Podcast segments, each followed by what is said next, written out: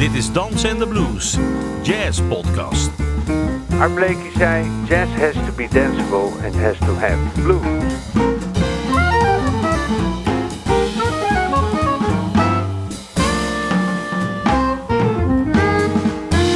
Je luistert naar een aflevering van Dansen en Blues, een podcast over jazz. Kleurrijke gasten, indringende gesprekken, sterke verhalen en een flinke dosis swingende muziek. Mijn naam is Tom Ridderbeeks en vandaag praat ik met... Een jonge muzikant met een groot cv. Een pianist die de traditie waardeert en beheerst. En vervolgens naar een eigen stijl en sound op zoek is gegaan. Iemand vol met klanken en mooie melodieën. Pianist, componist, arrangeur, Robert Koemans. Welkom. Robert. Jezus man, wat een aankondiging. Ja, vind je het wat? ik, heb er, eh, ik heb er lang op gezeten. Ja. Nee, het kwam zo mijn mouw uit Eindelijk wat gevonden. Eindelijk wat gevonden. Ja, de, de, de reden dat, dat ik je interview, want dat is natuurlijk ook even raar voor de luisteraars, eh, in plaats van Ben, dat is natuurlijk dat wij elkaar eh, best wel aardig kennen. Negen jaar geloof ik. Ja, we kennen elkaar muzikaal, privé, van het uitgaansleven. Daar gaan we het maar niet over hebben. nee. Nee, dat is verstandig. De McDonald's op de Cool Single kennen we elkaar vooral van, toch? Daar, ja, daar hebben we ook heel veel gesprekken gevoerd. Laten we eerst maar even gaan luisteren naar, eh, eh, naar je trio. Hier vandaag in de studio. Ja, Welk stuk? we gaan luisteren naar Vice Versa. Dat is een stuk van mijn nieuwe plaat Cross. En die is eh, afgelopen zomer uitgekomen. Yes.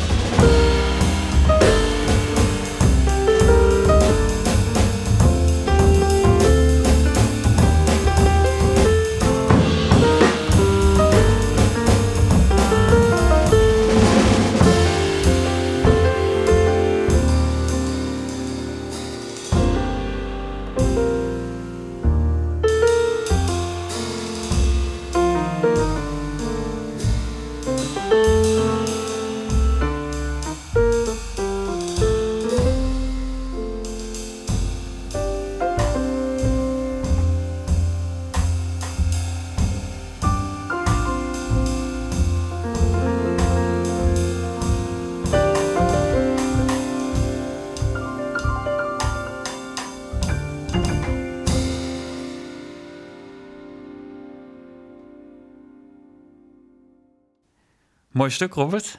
Heel gaaf. Dank je, dank je. Ja, je, je bent eigenlijk, eh, je woont al een hele tijd in Rotterdam, maar je bent van oorsprong een, een Haagse muzikant. Hoe ben, je, hoe ben je ooit begonnen?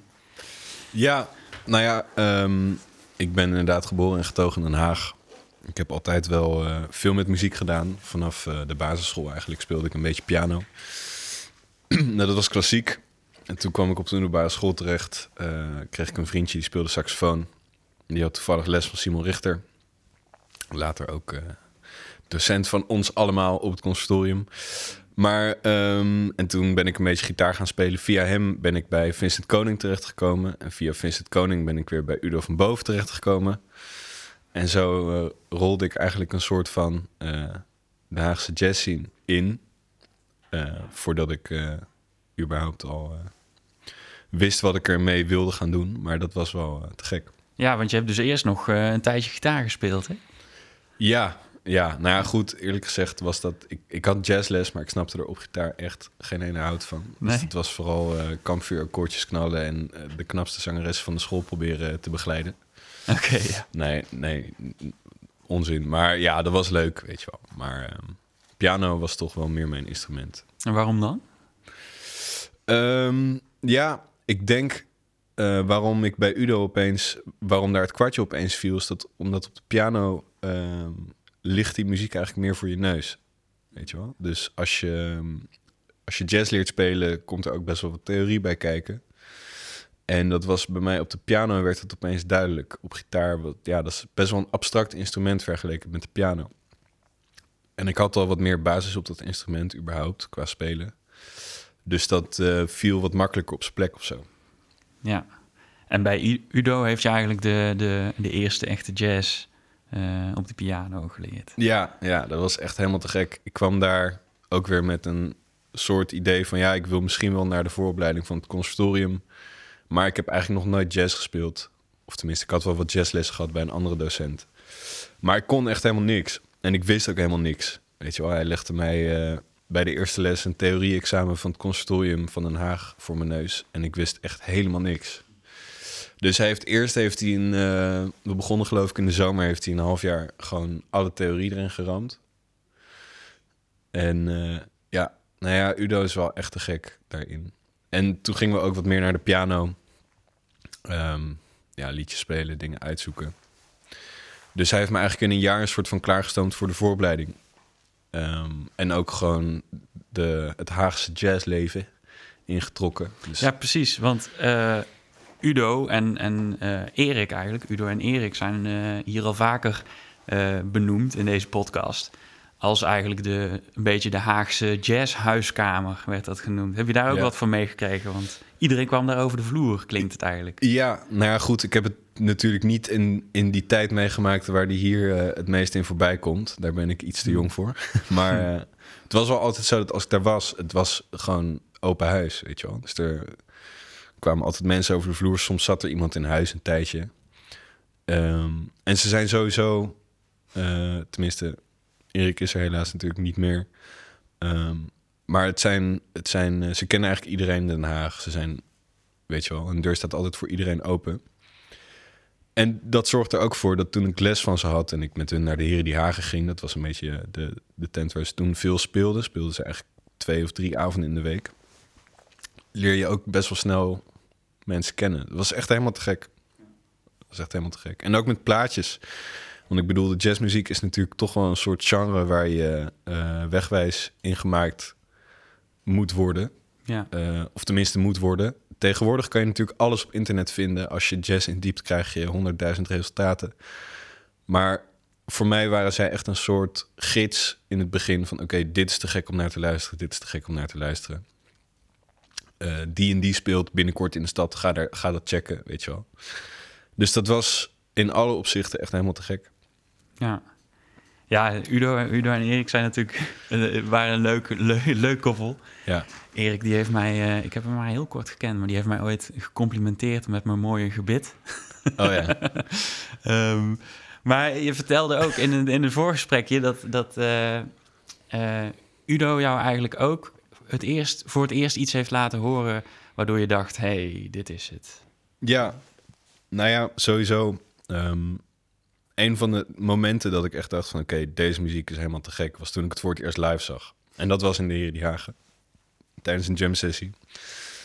Ehm, en toen dacht ik wel eens van... wow, dit is echt heel iets anders dan wat ik op dat cd'tje hoor. Tenminste, als je het live hebt meegemaakt... dan kan je het ook beter plaatsen als je het niet live hoort. Weet je wel? Ehm, maar ja, inderdaad, ik kwam daar...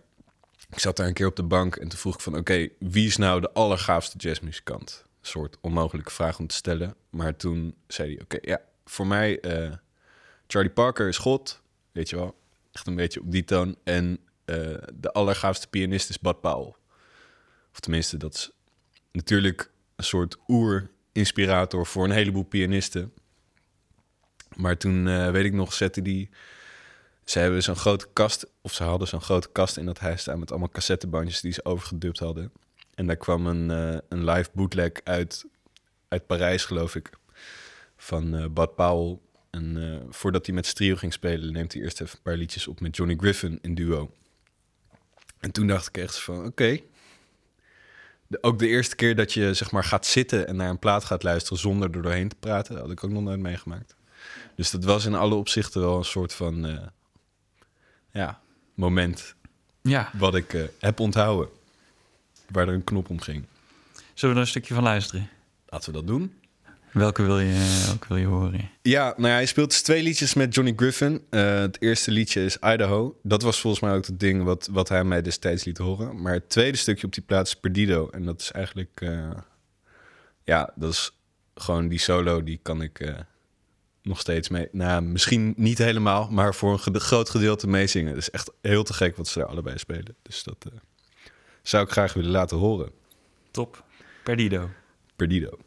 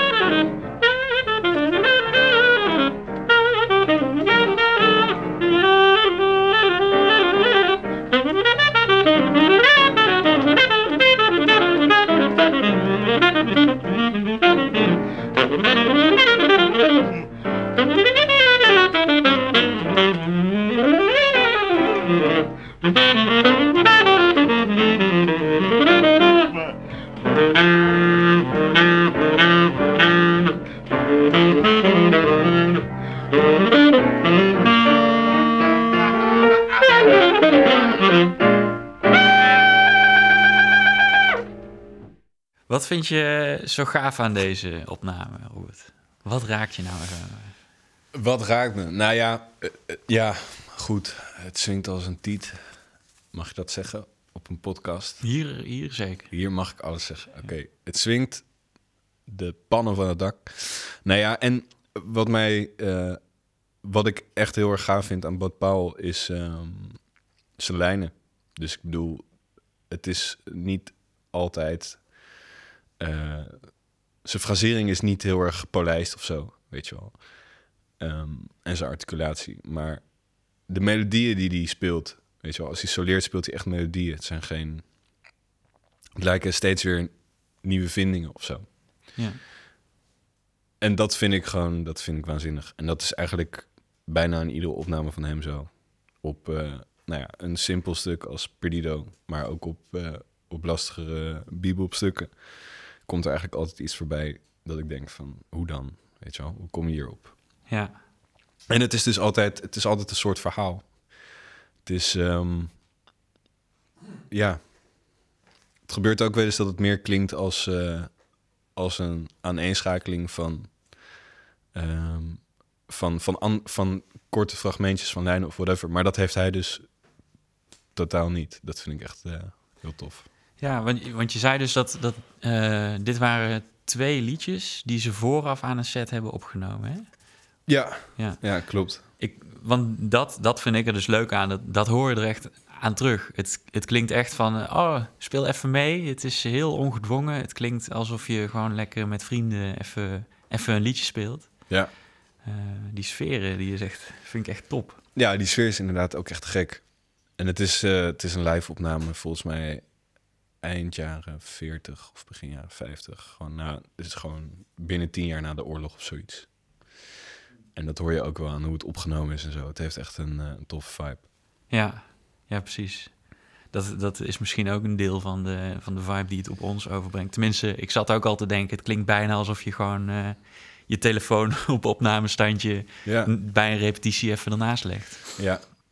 Nou ja, sowieso natuurlijk is een groot onderdeel van ehm, waarom, tenminste als ik voor mezelf spreek, wat voor mij zo gaaf is aan jazzmuziek, is de romantiek die eromheen hangt. Ja, Weet je? En dan is zo'n soort opname is ook wel, ehm, ja, je ziet het voor je of zo. Ja, Maar los, los van de, de, de charme die in die opname zit, vind ik hoe ze het spelen en wat ze spelen ook gewoon echt helemaal te gek. ja. Ook hoe Griffin speelt trouwens. Dat is echt helemaal, helemaal te gek. ja waanzinnig. En wat wie hier bij de meeste pianisten ook als voorbeeld wordt genoemd in deze podcast, is eigenlijk altijd eh, Oscar Peterson. Ja. Maar daar hoor ik jou eigenlijk nooit echt, eh, Nee, echt over. ja, wij kennen elkaar langer dan vandaag. ja. Dus je hebt wat voorkennis. Nou ja, ehm, ja, Peterson is natuurlijk waanzinnig. En ik heb zeker wel een fase gehad dat ik heel veel naar Peterson heb geluisterd. Maar op de een of andere manier had ik altijd... ehm, zat ik meer in de Bud Powell en Barry Harris hoek. Qua wat ik, wat ik echt heel gaaf vond. En misschien is dat ook een stukje eh, indoctrinatie vanuit eh, eh, Erik en Udo. Dat, dat dat heel erg daar vandaan kwam. Ik heb geen idee eigenlijk. Ehm, maar als ik het zou moeten benoemen voor mezelf waarom ik meer Barry Harris, Bud Powell heb geluisterd dan Peterson, is het denk ik omdat het voor mij nog wat verhalender is of zo. Peterson is echt super spectaculair natuurlijk. Super virtuoos. Swingt als een trein. Ehm, hele specifieke timing. Maar op de een of andere manier, ja, eh, raakt de, de manier van spelen van Bud Powell of Barry Harris raakte me op de een of andere manier meer. Ja. Wat mij, wat mij opviel was eh, aan die twee pianisten, is dat ehm, ik heb het idee dat bij hun het, de, de rolverdeling tussen de linker en de rechterhand eh, veel eh, duidelijker verdeeld is dan, dan bij een Oscar Peterson. Ehm, dat de melodie echt vanuit die rechterhand komt en vanuit de linkerhand echt begeleid wordt. Maar ja, ik, ik ben trompetist, dus misschien zeg ik het vanuit een bepaalde, een bepaalde visie. Maar hoe, hoe kijk jij daar als pianist tegenaan?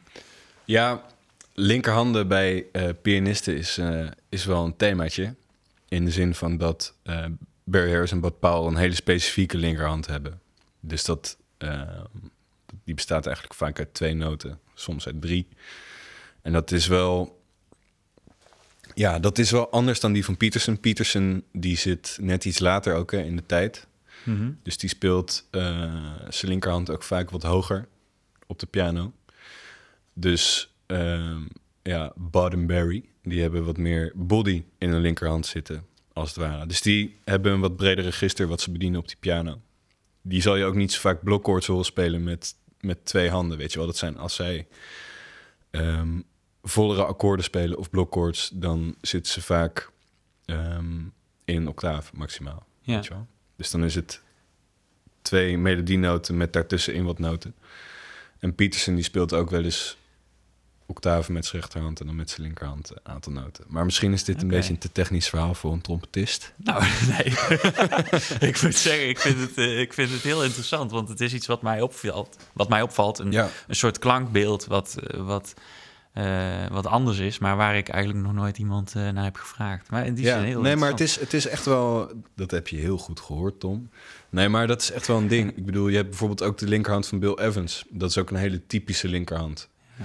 Eh, die gebruikt weer ander soort dissonanten dan bijvoorbeeld Errol Garner en Peterson deden. Ja. Dus die, ehm, die, die speelt meer bovenkant van de akkoorden ook in zijn linkerhand al.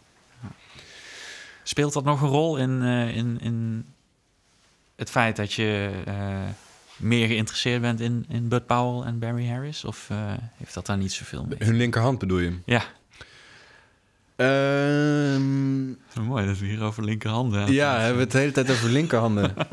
ik heb nog nooit zo veel over linkerhanden nagedacht. Ehm, nou, ik weet niet of het per se een factor is waarom ik ze nou zoveel beluisterd heb of zo. Maar ik vind het wel, het heeft voor mij, ja, dit klinkt bijna melancholisch, maar het heeft een soort eh, vertrouwde sound of zo. Ja. Als je die linkerhand, voor, voor mij, ik vind dat een hele mooie manier van spelen als je standaard speelt. Ja, ik herken het ook bij jou. Ja. Ja, Ja. Ik, ik doe dat ook veel. En ik speel ook wel mijn linkerhand hoger in bepaalde, bepaalde stukken. Maar ik vind het wel, ja, eh, als je standards op een bepaalde manier speelt, vind ik die manier van die linkerhand spelen vind ik heel, eh, heel mooi. Oké. Ja. ja. Nou, ja, ik, ik zat hier dus van, van tevoren even over na te denken. Want ehm, we hebben het nu over een paar eh, echt oude cats, laten we maar zeggen. Ehm, maar als je naar iemand eh, die een generatie jonger is, eh, schuift die, die linkerhand volgens mij nog een stukje op naar rechts. Kan dat kloppen? Gaan we het hebben over eh, een, een ander idool van jou? Ja, Fred Hirsch. Ja, schuift hij verder op naar rechts. Fred Hirsch ehm, is denk ik meer beïnvloed door Bill Evans ook. Hm. Mm, maar hij heeft wel, hij heeft wel een, een ding wat tot dan toe minder voorkomt bij pianisten. En dat is eh, meer contrapunt in zijn linkerhand. Dus de melodie zit niet alleen rechts meer. Hij- ja, hij noemt het zelf altijd van ja, pianisten zijn gewend om een soort claw grips, noemt hij dat dan. Dat zijn een soort eh, akkoorden die je in je linkerhand gestampt hebt. En die er dan op commando, als je het goede akkoord op je pagina ziet, dan komt er op commando het goede akkoord uit. Ja. Ehm, dat vindt hij niks vanzelfsprekend. Dus hij, hij is heel erg. ehm, hij houdt heel erg van beweging in akkoorden in die linkerhand. Weet je wel. Maar eigenlijk heeft Barry Harris dat bijvoorbeeld ook heel erg. Die speelt ook bijna nooit een, een statisch akkoord. Weet je wel, er zit ook heel veel beweging in. Dus dat hebben ze misschien wel met elkaar gemeen. Meldau is natuurlijk ook ehm, iemand die heel veel beweging heeft in, nou ja, waarvan alles doorheen loopt door die twee handen. Laat ik het maar even zo zeggen. Ehm, maar Fred Hirsch heeft inderdaad wel ehm, een hele, voor mij in ieder geval, een hele eigen manier van spelen ontwikkeld. Die ehm, heel erg fris en natuurlijk op mij overkomt. En dat zit hem ook in, die, in de manier waarop hij contrapunt verwerkt in zijn spel. En voor de luisteraars, contrapunt is eh, een bewegende melodie tegen een andere bewegende melodie aan. Ja, dus een soort tegen, tegenmelodie. Ja, een soort tegenmelodie. En ook de... Ja, het is voor mij een soort van ehm, logisch vervolg op wat daarvoor geweest is. Zeg maar niet geforceerd iets anders gaan zoeken in die stukken die die speelt. Het is allemaal gewoon heel mooi in mijn oor. Ja, klinkt een beetje vaag als ik zeg niet geforceerd naar iets anders gezocht, maar eh, smaakvol. Misschien moet ik het dan zo noemen. ja. Het is super smaakvol, wat mij betreft. Dat ben ik ook wel eh, absoluut, absoluut met je eens. En ook eh, waar ik dus eerder zei dat eh, die stijl van Bud Powell en Barry Harris, dat ik die in jouw stijl van spelen terughoor, heb ik dat inderdaad ook bij Fred Hirsch. Ook met name ehm, in je eigen stukken van zowel je eigen trio als de andere band waarvoor, waarvoor jij veel schrijft, Cool Harbor, hoor ik veel van die sferen en klanken terug lenen zich volgens mij ook heel goed voor de strijkers. Voor, voor interessante bezettingen. Nou ja, het komt, het komt inderdaad terug, ehm, denk ik. Omdat zijn... Nou ja, ik weet nog dat ik voor het eerst iets van hem luisterde. En dat was ehm, best wel een beetje een vage situatie. Ik was mijn eh, eindexamen aan het voorbereiden in Rotterdam. Ehm, en toen wilde ik een solo pianostuk spelen. En ik had ergens in mijn achterhoofd zitten... van oké, voor solo piano moet je Fred Hurst uitchecken... Chris Goesens was docent in Rotterdam. Die had dat een keer gezegd. Ja. Tussen neus en lippen door. Eh, en de- op de een of andere manier vloepte dat in mijn hoofd. Toen ik in een locatie zat te studeren. En toen kwam ik op een eh, opname. Ja, soms heb je zo'n soort jazzreflex. Dat als je iemand gaat uitchecken die je nog niet kent. Dat je dan eerst zijn vroege platen gaat uitchecken. Ja. Ehm, ja, ik weet niet of dat per se nodig was, maar dat vond ik toen in ieder geval nodig. Dus ik heb een hele oude plaat van hem opgezocht. En daar eh, was het eerste stuk was een ballad, For All We Know. Dat stuk kende ik toen ook nog helemaal niet. Maar dat vond ik echt een, eh, een super mooi stuk. Ook hoe die het uitvoerde en de compositie zelf is eh, ja, wel een soort eh, belangrijk stuk geworden voor mij. Qua ballad. Ik vind het een hele, hele toffe ballad om te spelen ook. Ja, je hebt mij heel vaak, ook, eh, ook buiten deze, de voorbereiding voor deze podcast-aflevering, heb je mij al heel vaak gezegd dat je dat wellicht een van de mooiste melodieën vindt die er zijn. Ja, klopt. Klopt. Nou, ik vind sowieso...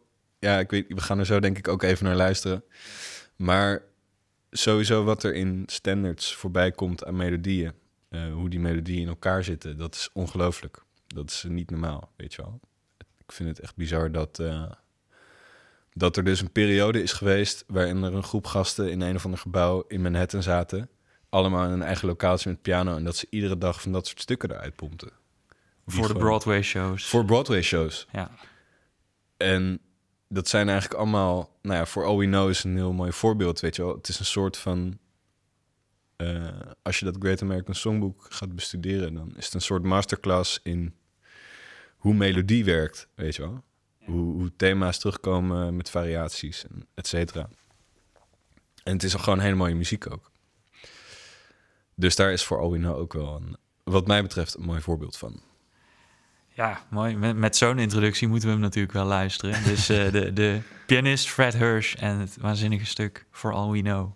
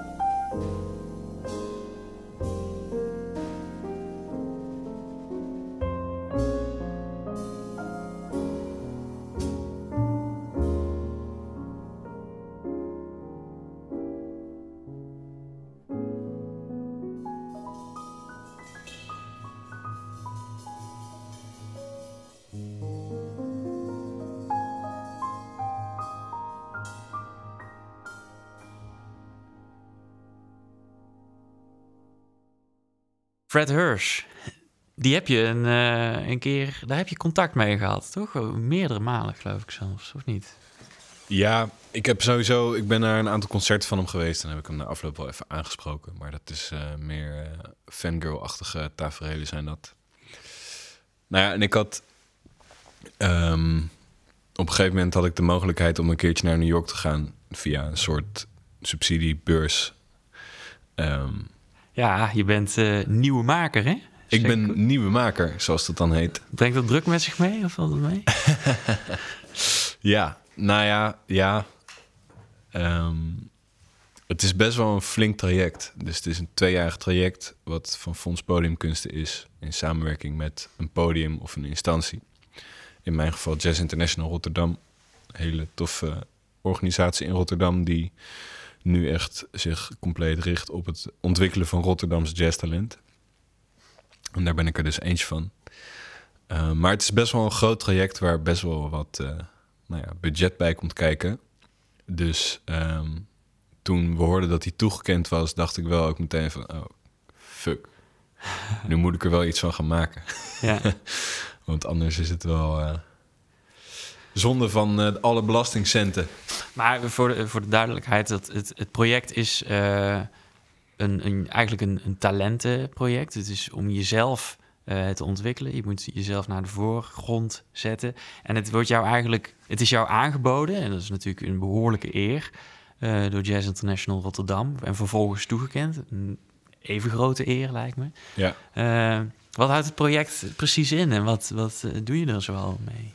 Nou ja, wat eigenlijk het idee erachter is, is om jonge makers van podiumkunst breedte, dus dat kunnen dansers of regisseurs of uh, theatermakers, muzikanten, het kan alles zijn. Uh, die wordt eigenlijk gevraagd van oké, hoe zet jij de volgende stap in je carrière? En um, hoe kunnen wij daaraan bijdragen? Dus eigenlijk kwam Jazz International toen ze met mij dat traject in wilden, uh, met, naar mij met de vraag: waar wil je heen over vijf jaar of over tien jaar? Wat zijn de tussenstappen en wat kunnen we doen om jou te helpen? Dus eigenlijk hebben we een soort plan geschreven met uh, begeleiding op allerlei vlakken. Dus muzikaal, um, maar ook zakelijk. En dat ja, komt eigenlijk in allerlei disciplines komt dat terug. Dus dat zit in uh, piano spelen, in componeren, arrangeren.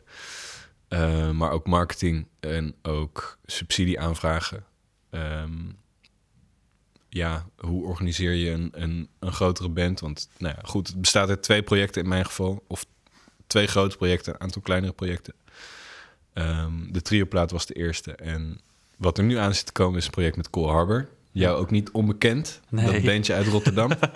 nee, daar speel ik uh, toevallig in mee. Speel je toevallig in mee? Nee, dus het is... Um, um, het is, ja, het is best wel een, een forced ding of zo. Dus dat uh, was wel spannend. Ja. En is het nog steeds? Is het nog steeds, is het nog steeds. Want uh, je, je tipt het even, of je, je, je tikt het even uh, zachtjes aan. Um, het trio, daar, daarmee ben je vandaag ook hier. Daar heb je een plaatje mee uitgebracht afgelopen zomer, binnen dat traject. Het is een enorm mooie plaat geworden. En uh, we hadden het hiervoor eigenlijk enorm over tradities, maar dat is ja. niet zozeer. Hè? Je bent wel echt een andere of je eigen kant uh, ingegaan. Wat, wat, uh, kun je daar wat over vertellen? Over het muzikale proces van die plaat? En... Ja.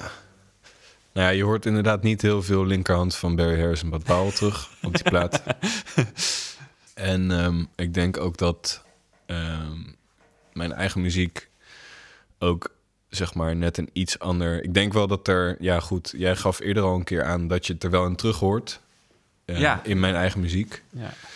Um, dus ik denk dat er wel raakvlakken zijn. Je bedoelt of... de, de traditie hebben we het ja. over. Hè? Dus ja. ja, je hoort wel dat je die. Uh, en dat bedoel ik natuurlijk positief. Je, je hoort wel dat je die bagage hebt. Ja, nou dat vind ik te gek dat je dat hoort. Sowieso. Um, ik denk wel dat het een iets ander soort laten we zeggen, dialect is. Muzikaal dialect wat ik gebruik. Um, ook voor de muziek van Cole Harbor. Um, en hoe dat eigenlijk gegaan is, ja... Eigenlijk was het eerste idee toen ik met Jazz International om tafel ging zitten van... oké, um, ik wil. Ik, ik had al een paar jaar echt gefocust op Coal Harbor. Dus schrijven voor groot. Coal Harbor is een large ensemble van, van elf man. Ehm, daar had ik twee, twee projecten, of eigenlijk twee à drie grote projecten voor geschreven. En ik wilde eigenlijk weer terug naar kleine bezetting. Ehm, omdat ik dat gewoon heel erg gemist had. Dat kleine bezetting spelen en dan ook mijn eigen muziek. Omdat als je voor grote band schrijft, dan dat is toch een ander soort eh, werkproces. In het schrijven van de muziek, maar ook in het spelen van de muziek. Dus een, een grote band, daar ligt eigenlijk op voorhand veel meer vast dan als je met een kleine band speelt. Ja. Ehm, dus dat, ja, dat, dat miste ik heel erg of zo, die vrijheid. Dus dat was plan 1. Oké, ik wil iets met een kleine bezetting doen. En ik wilde heel graag met eh, Alessandro en Willem wat doen. Dat was eigenlijk al langer een plan. Alessandro Fongaro en Willem Romers. Ehm, die ken ik al heel lang. Ook, ja, goed, jij kent ze ook al heel lang. Ja. Eh, van Codarts waren dat eigenlijk de eerste, paar van de eerste gasten waarmee ik ging spelen. Ehm, met name met Willem heb ik heel veel, heel veel gespeeld.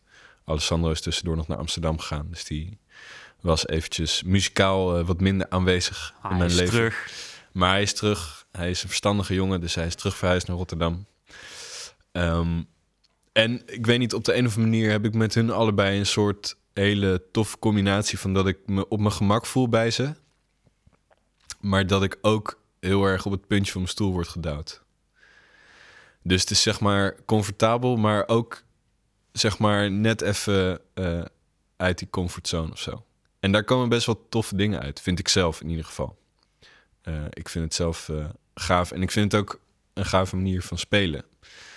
Ehm, en dat kan je natuurlijk met, met allerlei muzikanten hebben, maar specifiek met hun twee, die combinatie, die werkte heel goed.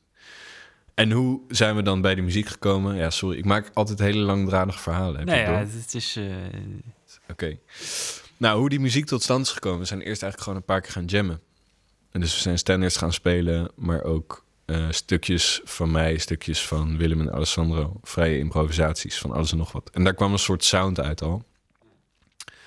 Ehm, die wat mij betreft wel best wel duidelijk was. Zo van, oké, als je ons drieën bij elkaar zet, dan komt er ongeveer dit uit. Toen heb ik echt heel lang zitten klooien en zitten twijfelen van... oké, hoe ga ik dat precies invullen? Eh worden het eigen stukken, worden het standards, wordt het een mix, weet je wel? En uiteindelijk kwam ik tot de conclusie dat ik eigen stukken wilde. Ehm, ook omdat ik dat voor kleine bezetting eigenlijk nooit zo had gedaan. En toen heb ik eigenlijk gewoon geprobeerd om die bandsound... een soort van op allerlei verschillende manieren uit te melken. En daar zijn ook nog wel wat dingen uitgekomen die we, nooit, die we niet eerder hadden gedaan of zo. Of die net even wat anders waren. Maar ehm, ja, dat is een beetje hoe die plaat tot stand is gekomen. En het is eh inmiddels alweer een tijdje uit eigenlijk, ja, die, die plaat. het is hopen dat... eh, dat ja, de, de, de tijd is natuurlijk eh, dan niet naar, maar ik, ik hoop dat je daar nog veel mee mag gaan spelen. Want het is het wel waard. Ik hoop het ook. Ja, we zouden eigenlijk in april al releasen, maar toen brak natuurlijk de pandemie uit. Ja. Dus uiteindelijk hebben we in juli een soort eh, het, het eerste coronaproefconcert in Lontaren mogen spelen. En dat was eigenlijk ook het laatste concert. Dus vandaag was voor het eerst in, eh, wat is het nou, dik half jaar... dat we samen iets hadden opgenomen of gespeeld. Dus dat eh, was wel heel leuk. Oké, en voor de komende tijd, waar ligt je focus? Nou ja, het is natuurlijk een beetje gekke tijd voor muzikanten nu met, met de corona. Eh, maar ik geef, eh, ik geef les op het conservatorium in Rotterdam. eh, een aantal theorievakken. En ik geef les op de Jong Talentafdeling in Den Haag. Je bent het aan het doorgeven. Eerst was jij jonge talent en nu ben jij... Ja, ik ben nog Ben steeds docent? Ik ben nog steeds Jong Talent. ja, Ik ben is nee, grapje. Nou ja, misschien een, ik- ja. Wij, wij voelen ons nooit oud, hè, Tom? Nee, Nee. het gaat ook niet gauw veranderen. Nee, denk ik ook niet. Nee, ja, maar het is wel, het is wel super gaaf om met die eh, jonge kinderen en jongvolwassenen zijn het af en toe pubers te werken is super gaaf om daar zo eh, dicht op te zitten en op zo'n hoog niveau over eh, muziek te praten met mensen is te gek. En ik hoop dat ik ze inderdaad wat kan overbrengen. Ook. Het zou te gek zijn. En naast het lesgeven ben ik eh, bezig met nieuwe muziek voor Cool Harbor. We gaan mei de studio in. Jij mag mee ook. Yes.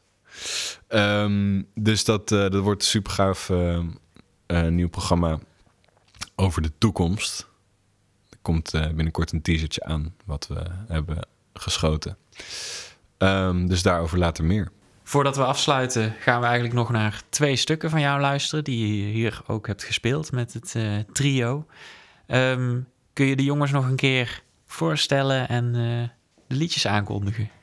Ja, eh, dat zijn Alessandro Fongaro op de bas en Willem Rooms op de drums. En eh, nogmaals, te gek om met hun deze muziek te mogen maken. En de stukken waar we naar gaan luisteren komen ook van mijn nieuwe plaat, Cross. En dat zijn Sarabande en The Bucket. Ja, ontzettend bedankt dat je er was, Robert. Ik vond het heel leuk om hier eh, op deze manier een keer tegenover je te zitten en het eh, op deze manier over muziek te hebben. En, Ja. eh, Nou, super graag gedaan. Was Ja. leuk. We spreken elkaar wel vaker, maar dit was toch net even anders. Je hebt toch best wel wat bijgeleerd over de linkerhand van pianist. ja, abs- absoluut. Kunnen we het de volgende keer over de rechterhand hebben? Juist.